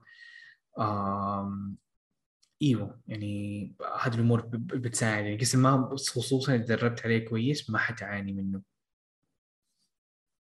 أنت تسد جميل. جميل جدا. آه كيف يعني عندنا مشكلة ممكن يعني آه الجميع مثلا عنده يعرف مثلا يقرأ يعرف عنده مفردات لكن عندما يجي مساله التحدث مع شخص آخر أو ممارسة اللغة في عندنا مشكلة. يعني لأن إحنا مجتمع مثلا ممكن في السعودية درسنا منعزلين شوية ما نمارس اللغة فلما تجي تتكلم مع شخص آخر. ما هو المشكلة إني ماني فاهم. مشكله ما أعرف آخذ واحد مع الشخص هذا أو ارتباك أو توتر. كيف أتعامل مع هذه الأشياء؟ كيف أستعد لها؟ وكيف أتعامل معها؟ وقت الاختبار حلو. هو عبارة عن هرم مهارات تمام؟ يعني هل هل أنا أقدر أسمع الإمام في خطبة الجمعة يتكلم وأوقف مكانه وأقدر أتكلم ألقي خطبة بنفس القوة اللغ... القوة اللغوية اللي هو يستخدمها. لا طبعا. ف وهل الشيء اللي أقراه مثلا قريت كتاب رهيب هل يمديني أكتب نفس الكتاب بنفس مفرد قوته اللغوية؟ بتكلم عن اللغوية ما بتكلم عن الأفكار ومدري إيش بتكلم عن اللغة فقط. فهذا الشيء اللي أقراه أقدر أنتج شيء كتابة بنفس المستوى؟ لا طبعا. اليوم أنا بتكلم بالعربي. طيب هل قوة استماعك تعادل قوة المحادثة؟ لا طبعا فهو هرم فأقوى شيء عندك غالبا بيكون القراءة بعدين الاستماع بعدين اقلها تيجي الكتابة وبعدين المحادثة. فقد ما زادت يعني قد ما كانت عندك حصيلة أو لغة قوية آه قد ما يعني يعني القمه الهرم يعني إذا بدك تتخيل الموضوع إنه قمة الهرم حتكبر. فأنت عليك تكبر المثلث كله. أنت عليك تكبر الهرم. إذا عندك هرم مرة صغير على قدك كذا هذا هذا هذا الهرم عندك ممكن مثلا نفترض وهذا الهرم مثلا نسميه انه أنا عندي نفترض نقول بالكلمات سهل نعدها. فإذا عندي ألف كلمة تعلمتها مو حفظتها خليني بس عشان أرجع لهذا الجزئية. كذا أنا ما قاعد أتكلم عن الحفظ قاعد أتعلم عن تعلم الكلمات وتعلم الكلمات يكون بالممارسة وحفظ الكلمات يكون بتكرارها وكتابتها في دفتر واللي تتنسي بعد أربع أيام. فأنا قاعد أتكلم عن تعلم الكلمات اللي هو تيجي بالممارسه والتكرار المنتظم. يعني لما تسمع كثير بتشوف الكلمات المهمه بنفسها automatically تيجي ف automatically تتعلمها بدل ما تحفظها. فالمهم إذا أنا عندي ألف كلمة أنا تعلمتها بشكل عام. ففي القراءة حتذكر أغلبها.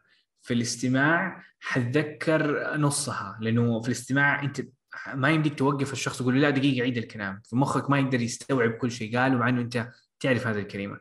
لكن في الكتابة هذه الألف كلمة من الألف كلمة يمديك تستخدم فقط 400 كلمة وفي المحادثة فقط يمديك تستخدم 200 كلمة. يعني 1000 كلمة تعلمتها يمديك تستخدم فقط 200 ما بالك إذا أنا عندي 5000 كلمة. في وقتها يمديك تستخدم كلمات أكثر بكثير في المحادثة. فهو هو بروسس طبيعي موجود في أي لغة فما نحتاج انه نخاف منه قد ما انه نحتاج انه. الحل حقها إنه تطور لغتك بالكامل. طور مهارة الاستماع عندك تحديدا اذا عندك مشكلة مع المحادثة. هذا الجزء الأول. هذا الجزء اللي هو الجزء التقني شوية أو الاجابه العميقة التعليمية شوية. لكن أجل الجزء الكبير جدا هو عبارة عن الخوف من الفشل أو الخوف من التفشل يعني. يعني الخوف من إنك حتتفشل قدام أحد وبالتالي أنت يعني أنت ما تبغى تغلط قدام ناس يعني ما تبغى صورتك قدام الناس تنخسف ويقول لك أوه هذا الشخص الكبير مثلا نفترض ان عندك بكالوريوس وعندك أنت شخص شخصية قوية فتخاف إنك تغلط قدام الناس ويقول لك هذا الشخص الكبير بيتكلم انجلش زي كأنه عمره سبع سن... ثلاث سنوات أو أربع سنوات أو سبع سنوات فبس هذا الخوف من الفشل. وحتى أغلبنا ما ما في ما هو شخص كبير لكن يخاف إنه الناس يشوفوا له كذا. مين هذا؟ هذا هذا دوب يتعلم انجلش هذا يعني شوف الناس الصغار كيف يتعلم هذا دوب يتعلم فهو يخاف إنه يتكلم مع أي أحد. حتى يعني ما ما قد شفتها كثير منكم مبتعثين شفتوها إنه شباب كتار في المعاهد لما يجي دورهم ساكتين. ليش أنت ساكت؟ أنت مو في معهد؟ طب لا أنا أوكي أنا حسمع. هو هو المحادثة عمرها ما حتتطور إلا بالأخطاء. يعني أنا أقول أنا أقول تقريبا عندك عشرة آلاف خطأ. أيوه حيخوفك الرقم. فهي حقيقة. عندك عشرة يعني عندك تقول عشرة آلاف خطأ حتسويهم وأنت حتتكلم في في مهارة السبيكينج بالذات في اختبار محادثة. قد ما سويتها بدري قد ما تطورت. وقد ما أخرتها أنت بتأخر على نفسك المشوار. يعني فأنا أقول الغباء ما يجي إنه ما افشل نفسي الغباء يجي إنه ما يعني ما أجرب ما أحاول أصلا. ف... فهذه العشرة آلاف خطأ مو لازم كمان تغلط فيها قدام مدرس. أنا أقول المحادثة الذاتية خصوصا للشباب غير المبتعثين أفضل حاجة الواحد ممكن يسويها. المبتعث بليز استغل الفرصة. أنا من جد أبغى أجي عندك وأوريك كيف تستغل الفرصة لأن عارفين كل شيء عندك أي مكان تطلع برا تصل مطعم تتكلم مع ناس الغرب يعني ناس مفتوحين يحبوا يتكلموا مع ناس وزي كذا. أغلب الدول يعني آه، من ناحية ثقافية يعني مو من ناحية ثانية يعني تحديدا. إنه يحبوا يتكلموا ناس عادي تقول لهم يتكلموا معاك. آه، فاستغلها. لكن الناس اللي ما هم مبتعثين لا تنتظر إنك تبتعث في يوم من الأيام وتروح في معهد من يوم من الأيام أو تشتري تطبيق في يوم من الأيام. أنا بالنسبة لي أنا ما سافرت. يعني سألتني اذا شفت سمعت تجربتي. ما تكلمت لا عن معهد إلا دورة الـ IELTS وما تكلمت عن native speaker لأنه المرة الأولى اللي تكلمت عن native speaker بشكل كامل كان في اختبار الـ IELTS نفسه. اللي جبت فيه الحمد لله ستة ونص من أول مرة وثاني مرة الحمد لله كان سبعة ونص. ف فأنا اليوم اللي بتكلم بمهارتي هذه ما هي بسبب سفرتي لبرا أو معهد أو native speaker أو فرصة ابتعاث. آه ف يعني أنا لغتي أصلا كانت متأسسة قبل ما قبل ما أطلع برا. فهذه هذه هي الخلاصة إنه أغلط عندك 10000 خطأ قد ما خلصت الـ counter بدري قد ما خبصت بسرعة قد ما تعلمت بسرعة قد ما تطورت بسرعة قد ما خلاص وقتها تكون قلت أخطاء. وأنا أقول أغلط اليوم أفضل بكثير من إنك تغلط في مناقشة الدكتوراه أو في presentation الجامعة أو في presentation الوظيفة الكبيرة إن شاء الله توصل ليها بعد 15 سنة قدام مسارك. أنا أفضل إنك تغلط اليوم لأنه اليوم أنت لسه بتتعلم لسه قدامك فرص كثيرة تنمو فيها وتتطور فيها. فبليز لا تخلي الخوف من الغلط أو الخوف من إنك حتتفشل قدام الناس أو كيف الناس حيفكروا عني آه بيخربط عليك من أهم المهارات العملية في الإنجليش. أنا بالنسبة لي مهاره المحادثه من أصعب المهارات لأنها صعبة لأنه اللي فوق الهرم.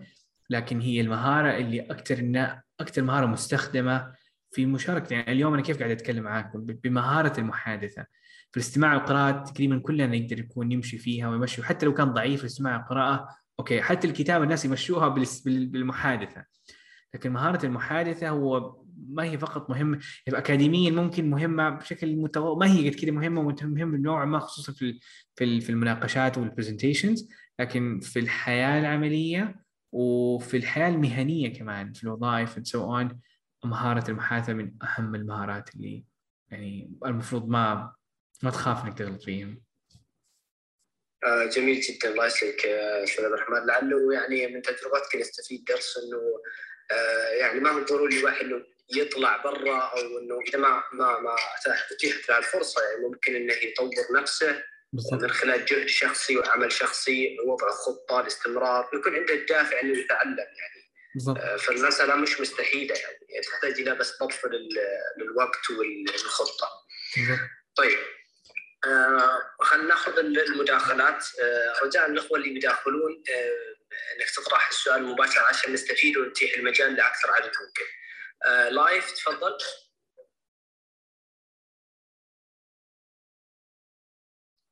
live ما كانت عشان كمان نستغل الوقت فهو أتوقع إنه إذا مثلا ناخذ إيوه أتوقع خلاص السلام عليكم ورحمة الله. وعليكم السلام. أهلا وسهلا. تفضل. السلام عليكم آه لو سمحت أنا أخوي عبد الرحمن خبرت في 2018 آه عايزت في أربعة ونص. بعدين بعد ثلاث شهور اختبرت الاختبار الثاني جبت فيه خمسة. يعني جبت في السبيكنج جبت فيه آه السبيكنج جبت أربعة ثلاثة في جبت ثلاثة. بعد ثلاث شهور اختبرت وجبت خمسة سؤالي الحين أنا مقدم على دراسات عليا إن شاء الله لكن اللي يخوفني في. هي هو هو في الكتابة كتابة البحوث كتابة البحوث والكتابة بشكل عام. كيف أطور مهارتي في هذا الشيء؟ شكرا لكم. طيب في آه من خلال تجربتك يعني أتوقع كويس إنك لقيت لقيت تطور لكن إذا وازنت مذاكرتك بشكل أفضل كان يعني خلينا ما نتكلم عن زمان نتكلم على يمديك تختصرها أكثر. يعني يمديك تجيب الستة خلال شهرين من خمسة. أو أنا أقول وأنا يعني أقول احتياطا يعني ممكن تسويه كم شهر إذا كانت مذاكرة مكثفة صراحة. هذه أول جزئية، الجزئية الثانية بالنسبة كيف كيفيه تطوير مهارة الكتابة بالكتابة المستمرة يوميا. يعني كل يوم اختار موضوع بسيط واتكلم عنه بشكل متصل. موضوع بسيط يعني ما يحتاج تتكلم اليوم حتكلم على ليش اخترعوا الصواريخ وكيف إيش صار أو أو إيش ال artificial intelligence لا اختار موضوع بسيط عن يومك عن حياتك عن التقنية عن عن عن تخصصك. واكتب فيه بشكل متصل يوميا. يوميا. بدون ما توقف القلم وقدامك مؤقت. وتحاول أفضل ما عندك. فأنا أسميها ساعة تطوير. زي ما زي ما تذكر إني تكلمت على الساعة التطوير هي نص ساعة استماع 20 دقيقة قراءة خمسة دقائق كتابة خمسة دقائق محادثة. وهي مقصودة بهذه الدقائق بسبب كيف اللغة قاعدة تتطور وقد إيش تحتاج إنك عشان تكتب تحتاج تقرأ أكثر ف والكتابة ما تتطور بجرامر ما تتطور بحفظ كلمات على طول مباشرة هي بتتطور بالكتابة أكثر وأكثر وصح في البداية حتكتب وأغلب كلامك بيكون خطأ أو حيكون مليان إغلاط لكن مع الوقت أنت بنفسك حتتطور ليش؟ لأنه أغلب الأخطاء أنت حتعرفها يعني كيف عرفت إنه لغة عندك أخطاء؟ انت أنت عارف إنه كلمة beautiful ما اعرف ال spelling حقها مع انها كلمة بسيطة. طب ليه؟ كيف؟ مين يصحح لك؟ أنت. أنت صححت قبل شوي صححت لنفسك. إنه ما يعرف الإملاء. فاخطاء الإملاء بتتصحح. إنه إيش هو الفعل الماضي من هذه الكلمة حتتصحح. المترادف لهذه الكلمة اللي ما أعرف إيش كان بنفسها حتتصحح. لأنه أول ما حتكتب أكيد خلاص حتبدأ تدور على الموضوع إنه كيف أطور من هذا الشيء. ولما تقرأ لأنه أنت دحين بديت تكتب تكتب معلش لما بديت تكتب فانت حتلاحظ إنه أوه أنا في القراءة يمديني أستخدم هذه الكلمة اللي قريتها اليوم حستخدمها في كتابة بكرة. فا أيوه هذه هذه الإجابة بشكل سريع. جميل آه، أخوي عبد الله ثم الأخ خالد عبد الله تفضل. السلام عليكم دكتور عبد الرحمن. السلام عليكم أسعد الله أهلا وسهلا. عبد الله أخوي نبدأ بك. خالد أخوي خالد انتظر شوي بس عبد الله قبلك الله يسلمك. تفضل عبد الله. شكرا.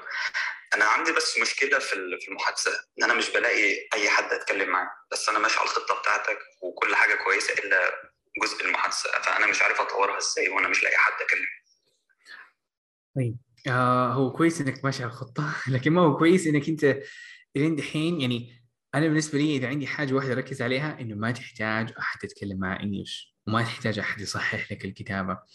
السبب ببساطة إنه لما أحد يكون معاك يتكلم معاك English أنا أفترض خليني ما أقول ما أحد يقول لك عندك أفضل مدرس يدرسك مهارة المحادثة أو يطور معك. ترى تدري عبد الله إيش حيسوي؟ حيقول لك hi good morning how are you doing عبد الله؟ that's that's حيسمع منك that's great that's awesome so now tell me about the weather today how is the weather at your side وأنت حتتكلم بلا بلا بلا حتخبص حتغلط حتتفشل. حيقول لك amazing awesome that's great keep it up أستمر. وبعدين يقول لك now that's great. So let's talk about the weather. So there's three things. So my weather in my side حوريك كم حيسمعك كم حاجة. بقول لك thank you for this session. خلصت الساعة. Um, so the three things I would recommend for you. So whenever you say this غيرها بكذا خلصت يعني من الساعة كاملة. حياخذ 50 ل 55 دقيقة. فقط هدفه حاجة واحدة. إيش هي؟ عبد الله ممكن تخيل يعني أوكي عبد الله معنا لكن إنك تحرك لسانك. هو فقط كذا بس شيء كذا موجود قدامك يعني بس هدفه يحرك لسانك انتهى يعني يجبر مخك إنه يطلع هل حيوقفك على كل خطأ؟ هل معقول انه كل المبتعثين أو أصلا المبتعثين لما يطلعوا برا هم يتعلموا إنه أحد يصحح لهم؟ لا طيب فهو آخر خمس دقائق يجيب المدرس حيقول لك أهم ثلاثة أخطاء اللي سويتها مع إنه أنت سويت 70 خطأ لكن حيطلع لك فقط ثلاثة أخطاء منهم ليش؟ إنه هدفه ما هو إنه يطلع لك الأخطاء هدفه ما هو إنه يصحح لك هدفه إنه يحرك لسانك. طيب أنا هنا أتفق مع الجميع إنه صراحة بيكون اميزنج جدا إنه أنا يكون معي أحد إنه يكون معي مدرس إنه يكون معي صاحبي اللي اللي اللي اللي فعلا مهتم وفعلا ما يسحب علي كل يوم يكون معي يوميا يتمرن معي إنجلش أو يكون عندي الجروب أو يكون عندي أو أكون في بريطانيا أتكلم مع الناس وخالطهم أو أكون في معهد. لكن هل كلنا عندنا هذه الفرص يا عبد الله؟ يعني هل كلنا زي كذا؟ ولا في ناس كتار زيك عبد الله؟ وأنا كنت زيك ترى عبد الله. ما كان عندي أحد. ما ما في أحد يعرف ومتحمس لدرجة إنه يجلس معايا وكل يوم يتكلم معايا. ما كان بالنسبة لي إنه أوفر وأدفع فلوس كذا. كانت شوي قصة طويلة بالنسبة لي ما ما كان الخطوة الأساسية اللي مثلا أبغى أتجه ليها وقتها. فايش رأيك لو نقدر ناخذ نفس الفائدة حقت المعهد أو المدرس أو الصديق هذا إنه كل يوم تختار موضوع واحد وتشرح لنفسك وتجاوب عليه شرح واحد. يعني تجاوب وتشرح موضوع معين سواء من اللي سمعته في البرنامج الصوتي أو من خلال آه، أي موضوع. اشرحه بس. خلينا اليوم نتكلم مثلا عن آه، الجو. So today let's talk about حرفيا قاعد اليوم أنا جالس في غرفه كذا لوحدي مثلا حرفيا. دقيقتين بس خمس دقائق ماكسيمم واشرح لنفسك كان الإجابة. اشرح الوذر تكلم. Uh, so the weather here is, is really hot and uh, the summers are always super hot. You can't even sit outside. وهنا بتحاول في مخك. حرفيا بيسوي نفس الشيء وبيمر بنفس المراحل للتطور اللي انت تمر فيها وانت جالس في أفضل معهد في بريطانيا. نفس الخطوات. ما في أي there's not a single difference. وبس الخطوة الأخيرة هي الناقصة اللي هي نسميها فقط 10 ب 20% من الفائدة. لكن 80% من الفائدة انت تسويها وانت في بيتك بنفس الفائدة في أفضل معهد وأرقى معهد في بريطانيا. Isn't it amazing? ولا نص ريال بتروح. وانت يعني يا ريت إنه هذا كانت حركة غبية. يعني يا ريت إنها كانت حركة wow عبد الرحمن أنا ما أقدر أتكلم ومو أنت قاعد مو أنت الشخص اللي ترسل voice messages لأصحابك لمدة 17 دقيقة؟ طب ليش ما يمديك ترسلها لدقيقتين؟ طب سوي group فاهمين علي هنا جايز يعني أتمنى إنه أنا بوصل الفكرة ليش؟ لأنه ماني زعلان عبد الله أنا زعلان على ال على ال على ال على ال 260 عبد الله الموجودين هنا اللي اللي اللي فرص قاعدة تروح من قدامك. يعني كل يوم بيعدي وانت ما بتفا... ما بتمارس فيه اللغة حرفيا أنت معلق. أنت ما ما حتتطور ومستحيل تاخذ خطوة قدام لما تتكلم عن نفسك في مهارة المحادثة تحديدا. فمرتين ما بقول تتكلم عن نفسك أقول أشرح. وأنا لما أقول تتكلم عن نفسك هي تبدو إنك حاجة كذا غبية شوية. آه لكن فكرة إنه أشرح موضوع زي كأنك بتسجل voice ممكن فعلا تسجل voice message وتسجلها في مكان ما. وأنا أقول ما هو ضروري ممكن تسمع نفسك. ما أنا ما أنصح بها لأنه أغلب الانطوائيين يزعلوا منها وأنا ما ما كنت مرتاح مع هذه الحركة في البداية. فيسميها خطوة إضافية إذا بدك تسوي لكن إذا بس فقط تشرح نفسك كل يوم موضوع لمدة عدة دقائق من دقيقتين خمس دقائق حتلاقي فرق ملحوظ بوعدك خلال أسبوع واحد فقط. ما بقول لك ستة أشهر. أسبوع واحد حتلاقي نفسك ست فلوينت أكثر الاه قلت. المخ لما ما كان ما كان يطلع يطلع يقدر يطلع أفكار قدر يطلع أفكار. بالتوفيق. طيب آه شكرا لك. أستاذ خالد خالد صافي تفضل. السلام عليكم. أسأل الله أوقاتكم بكل خير. الله يعطيك العافية أستاذ عبد الرحمن وأشكركم على هذه الإفادات. أنا استمعت للمحاضرة من بدايتها وبصراحة أنا لي تجربة سابقة آه، أؤكد على ما ذهبت له حضرتك في موضوع القراءه للقطعه وهذا الشيء أنا تكنيك استخدمته بصراحة وما قرأت القطعة كما هو متعارف عليه وبعدين أجبت لا رحت على الأسئلة وشفت السؤال وين عم بيدور ورحت على القطعة أدور على هذا الكلام وين ورد في أي فقرة. ومن خلاله أجاوب على الأسئلة. فكانت فعلا تكتيك كثير ممتاز. جميل. بصراحة كنت أتأمل إنه عندنا بغزة يعني يكون هناك نوع أنا الـ IELTS عملته قبل ثلاث سنوات بصراحة وما كان في عندنا الإمكانيات المتاحة لأجل إنه الإنسان يتدرب أكثر مرة ويعرف التكنيكس فمن أجل ذلك آه، استخدمنا اللي هو اسطوانة كانت موجودة عليها الدروس وكتاب موجود عليه تجربة امتحانات سابقة. ومشيت مع الخطوات وجربتها وبعد أسبوعين فقط توجهت للاختبار وحصلت على خمسة ونص يعني ما حصلت رقم ستة اللي كان إجباري عشان أحصل الماجستير. بس بعد هيك آه، بعد هيك يعني آه، اكتشفت إنه الخلل كان عندي في عدم معرفة التكنيك لأنه حاولت كذا مرة فكل مرة بحصل نفس النتيجة. فعشان هيك كده على كلام اخونا عبد الرحمن إنه التكنيك اللي قد سمعته من أخونا عبد الرحمن ما حدا خبرنا إياه سابقا. هو اللي تقدر من خلاله تغير النتيجة، أنا ما غيرت النتيجة أو ما قدرت أغيرها لأنه كنت في كل مرة أجاوب بنفس الطريقة وما أفهم شو الفلسفة بتاعت الاختبار. عشان هيك أنا حابب أشكر أخوي عبد الرحمن على هذه الإضافات واللي هو دفعني الآن لأن أختبر مرة ثانية وأنا متوقع إنه إن شاء الله حيكون في تغيير في النتيجة بشكل جيد إن شاء الله. بإذن الله بالتوفيق، شكرا خالد على على الإضافة الإيجابية، لأنه صراحة بعض الاحيان نحتاج إيجابي، نحتاج أحد يقول إي وأنا كنت من هنا وعشان هذه الأسباب اللي أنا أنا بقول أنا مجرب أكثر من إنه خبير فيعطيك العافية خالد على على الإضافة هنا. شكرا شكرا أستاذ خالد هذا الهدف من مشاركة التجارب كل شخص له تجربته الخاصة يعني.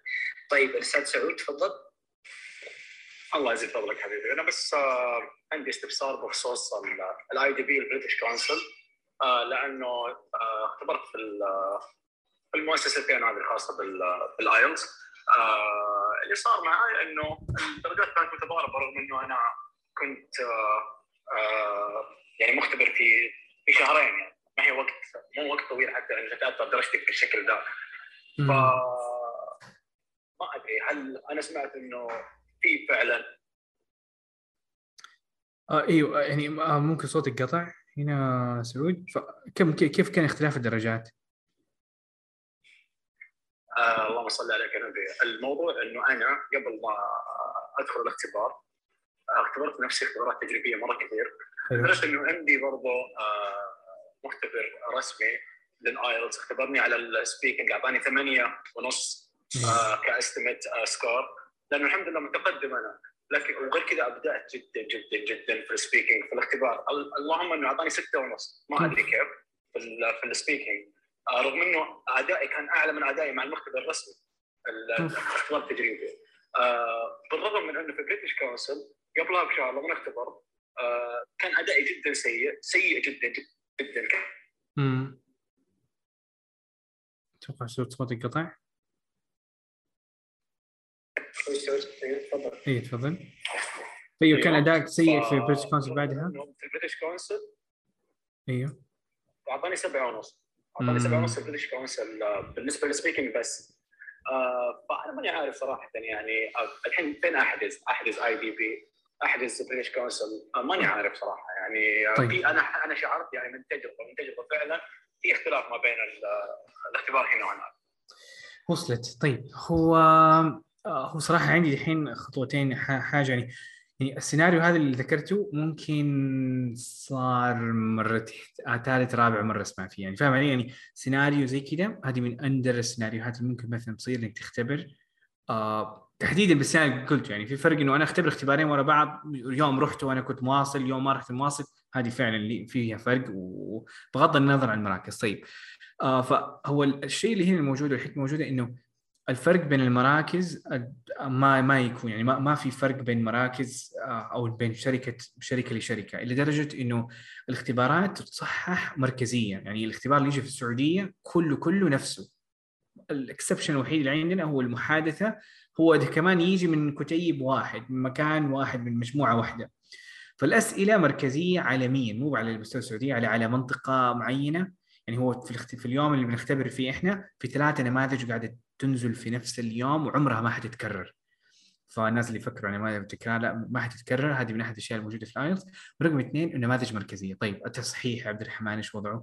التصحيح بالنسبة للاستماع والقراءة مركزي وبرا السعودية. طيب إيش وضع الكتابة والمحادثه؟ آه هذه حاليا حاليا ما أدري لكن لفترة كان وصل ال writing صار مركزي. فاحتمال جدا كبير ال writing الآن مركزي عالميا تمام؟ فبروح لمكان معين وتصحح ويرجع. فما بقي لنا إلا مهارة واحدة اللي هو ال speaking وفعلا ال speaking بتصحح وأنت قاعد تطلع من قاعه الاختبار طيب بس أنا بس أضيف إضافة بسيطة إنه اللي اختبرني أساسا في ال IDP ما كان native speaker صح وغير إيه. كذا أساسا أنا والله العظيم إيه. والله العظيم ال ال ال ال ال الاختبار كامل يعني آه، المقر مقر الاختبار ال venue المقيمين على الاختبار في اختلاف كلي جذري ما بين ال British Council وال IDP يعني من, من ناحية الاختبار نفسه وأجواءه وإلى آخره. صحيح ما كان في ما في اختلاف من ناحية الاختبار نفسه لكن كيف أنا أختبر مع شخص آه، حرفيا حرفيا آه، في المحادثة؟ والله العظيم والله العظيم. أنا قاعد أشوفه يتأتئ في الكلام. حتى في الأسئلة والله ما يعرف صعبة. هذه صعبة. طيب. اي والله العظيم. طيب. إنه ما ما جالس حتى أنه يعني ما هو عارف جلس يتأتأ مرة كثير. ما يعرف ما يعرف. يعني خسفت إيه. بالدرجة رغم إنه حتى في في ال discussion في السؤال اللي ما قبل ال discussion أنا تكلمت لمدة ثلاث دقائق آه بعدها تكلمت آه في ال discussion أعطيت كل شيء. أنا كنت متوقع تسعة في ال speaking من من من ادائي ذاك اليوم. ستة ونص صراحة كانت إيه. طيب. هو باختصار الجزء الأول من كلامي كان للجمهور والجزء الثاني الحين بتكلم فيه هو ليك صراحة. فالحين أول حاجة ما حينفع اللي صار يعني فكرة اللي صار هي حاجة من أحد النوادر تبي تعرف إنه للأسف كانت في مشكلة صارت. طيب هو احتمال واحد من الاثنين إنه بناء على كلامك أنا حاسس بنسبة 90% المختبر خبص. طبعا هذه حاجة مرة نادرة. ففي هذا السيناريو السعوديه إيش حتسوي؟ حتروح على تعبي ابلكيشن انه أبغى يتم إعادة تصحيح الاختبار وهناك أحد من برا حيسمع هذا الاختبار وحدي لك الدرجة بناء على اللي توقعه وباللي بالقصة هذه أنا متأكد إنه درجتك حترجع للثمانية أو الثمانية ونص أو السبعة ونص أو شيء زي كذا. آه السيناريو الثاني الوحيد اللي ممكن يصير هو جزئية إنه في احتمالية بسيطة إنه أنت مثلا سألك سؤال أنت تكلمت في. يعني نوعا ما يعني يعني حسيت إنك أبدعت لكن في في شيء معين مثلا ما انتبهت لتعليمة معينة وما انتبهت لقاعدة معينة وبسببها خبصت شوية وأنت ما كنت تدري. طب هذه من الأشياء النوادر خصوصا ما شاء الله باين منك إنك ذاكرت وأنت فاهم الأقسام وفاهم الأنواع وفاهم وقد اختبرت اختبارات التدريب هذه عشان كذا أقول لك احتمال جدا بسيط. طيب آه آخر ملاحظة وحوقف هنا إنه آه هو صراحة ال IELTS مو لازم اللي قدامك يكون native speaker كشرط لازم يكون شبه شبه native speaker وعنده معايير جدا صعبة. يعني إذا أنا اليوم قدمت على أكون مختبر في IELTS آه حيكون صعب لكن ما حيكون مستحيل. يعني أنا يمديني أختبر أحد في ال IELTS آه أنا ماني perfect لكن أنا جايب درجة 8 8 ونص في ال speak في ال speaking وأتوقع هذا المطلوب منه. مطلوب منه الشخص يجيب درجة 8 ل 8 ونص في ال IELTS بنفسه وبعد يدخل تدريب مكثف على ال examination واللي هو مراقب centralized فعندهم معايير ما ما في جهة معينة أو مركز معين حيقدر يتلاعب فيها أو يستهين بها.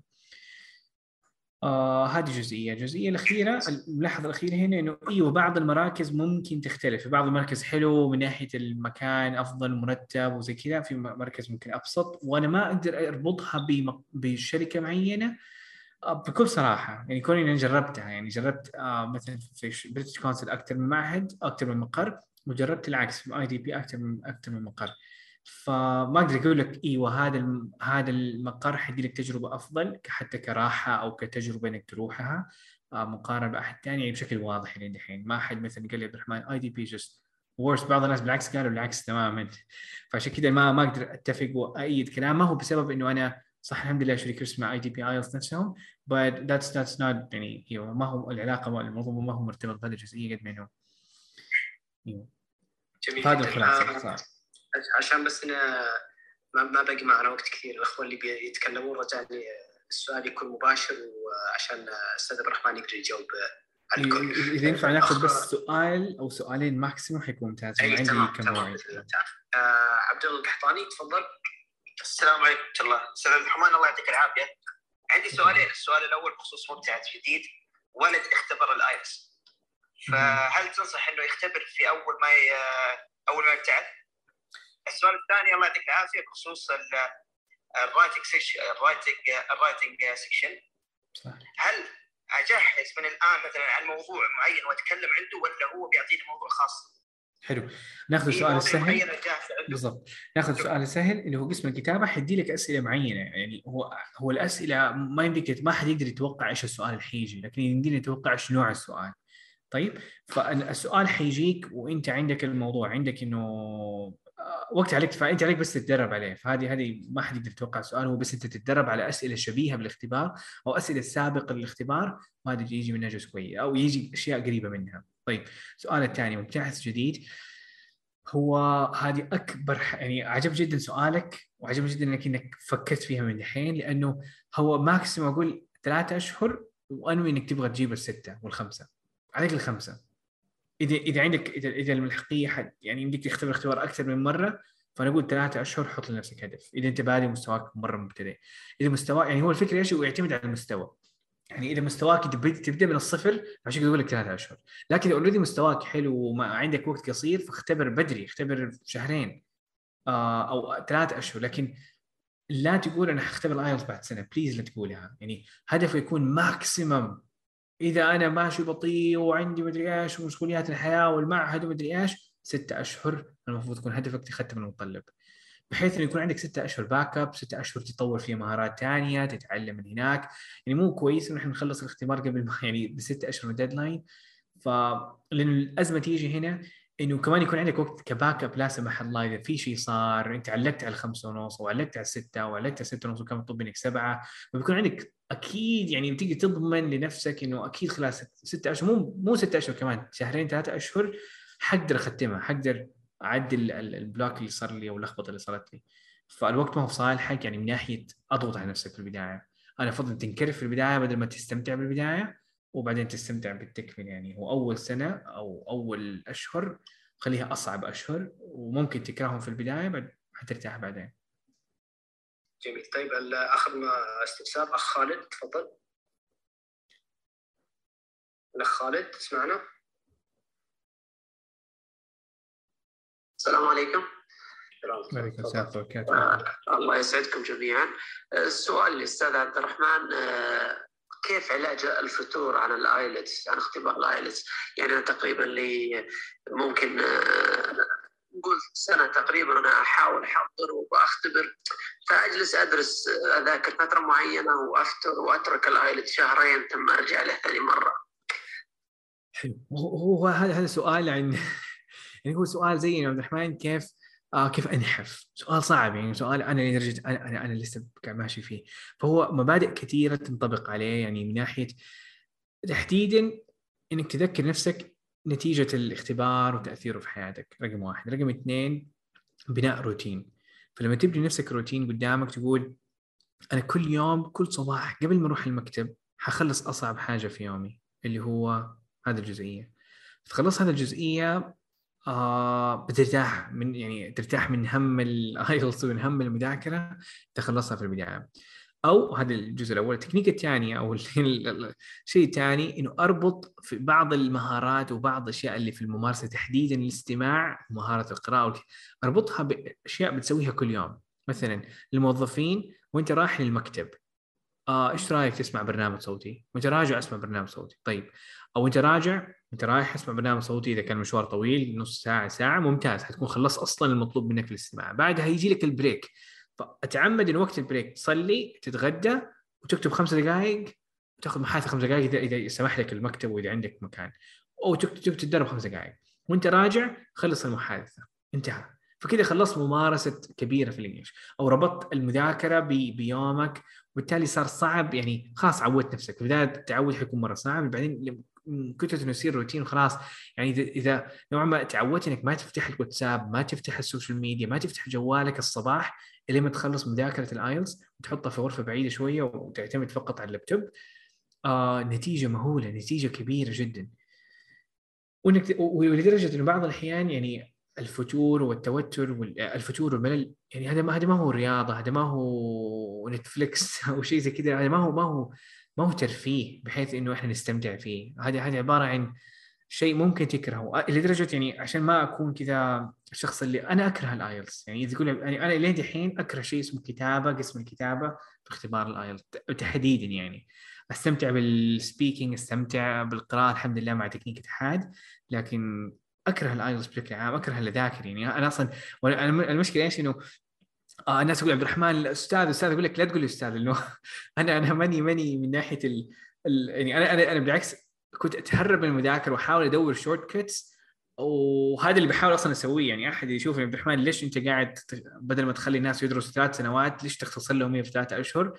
أنا بقول لهم يا أخي أنا أبغى افتك من الموضوع بسرعة. ما أبغى أجلس ثلاث سنوات في معهد من level level يا أخي ما أبغى أدرس أشياء ما حتساعدني في في في المهارات أو في ال IELTS ف إيوه يعني الفكرة إنه أنا ب... يعني الكلام اللي أنا بشاركه هو خلاصة الخلاصة already فإذا عندك يعني المختصر اللي حيوصلك يعني المعاهد الثانية تسال اي أحد. يقول لك ال IELTS مشوار سنة سنة ونص. أنا جبت لك هو لشيء maximum يصير ستة أشهر بخطة المذاكرة. يعني لدرجه إنه كل شيء عندي حتى على قناتي تلاقي خطة مذاكرة تحملها so on ف فشيء ثلاثة ستة أشهر يمديك تسويه ويمديك تحقق وآلاف الناس مشوا عليه وحققوا عليه. مو بس تجربة عبد الرحمن حرفيا الآلاف الحمد لله. ف أيوه حيكون شيء له ملل لكن نتائجه أكبر من الملل نفسه بالتوفيق. جميل جدا. أنا أعتذر للاشخاص اللي طلبوا يعني إنهم يدخلون معنا الليلة لكن وقتنا ازف يعني. صح. آه وممكن تتواصلوا مع أستاذ عبد الرحمن أو تشوفوا المقاطع والتغريدات اللي هو يعني يعرضها من فترة لفترة. ممتن لك جدا أستاذ عبد الرحمن على مشاركة الليلة وتجربتك والفوائد اللي قدمتها. لنا جميعا يعني. يعطيك الف عافيه دكتور بندر؟ مرة مقدر واتمنى يعني جدا يعني شكرا على على على الاستضافة هذه الجميلة وأتمنى يعني لخصنا قد ما نقدر وأتمنى الجميع استفاد أنا بحاول أفضل ما عندي ارد على رسائل بليز قدوا عندي اسئلتكم وترى عندي لقاءات بسويها كمان بشكل عام ففي الخدمة قد ما أقدر إن شاء الله.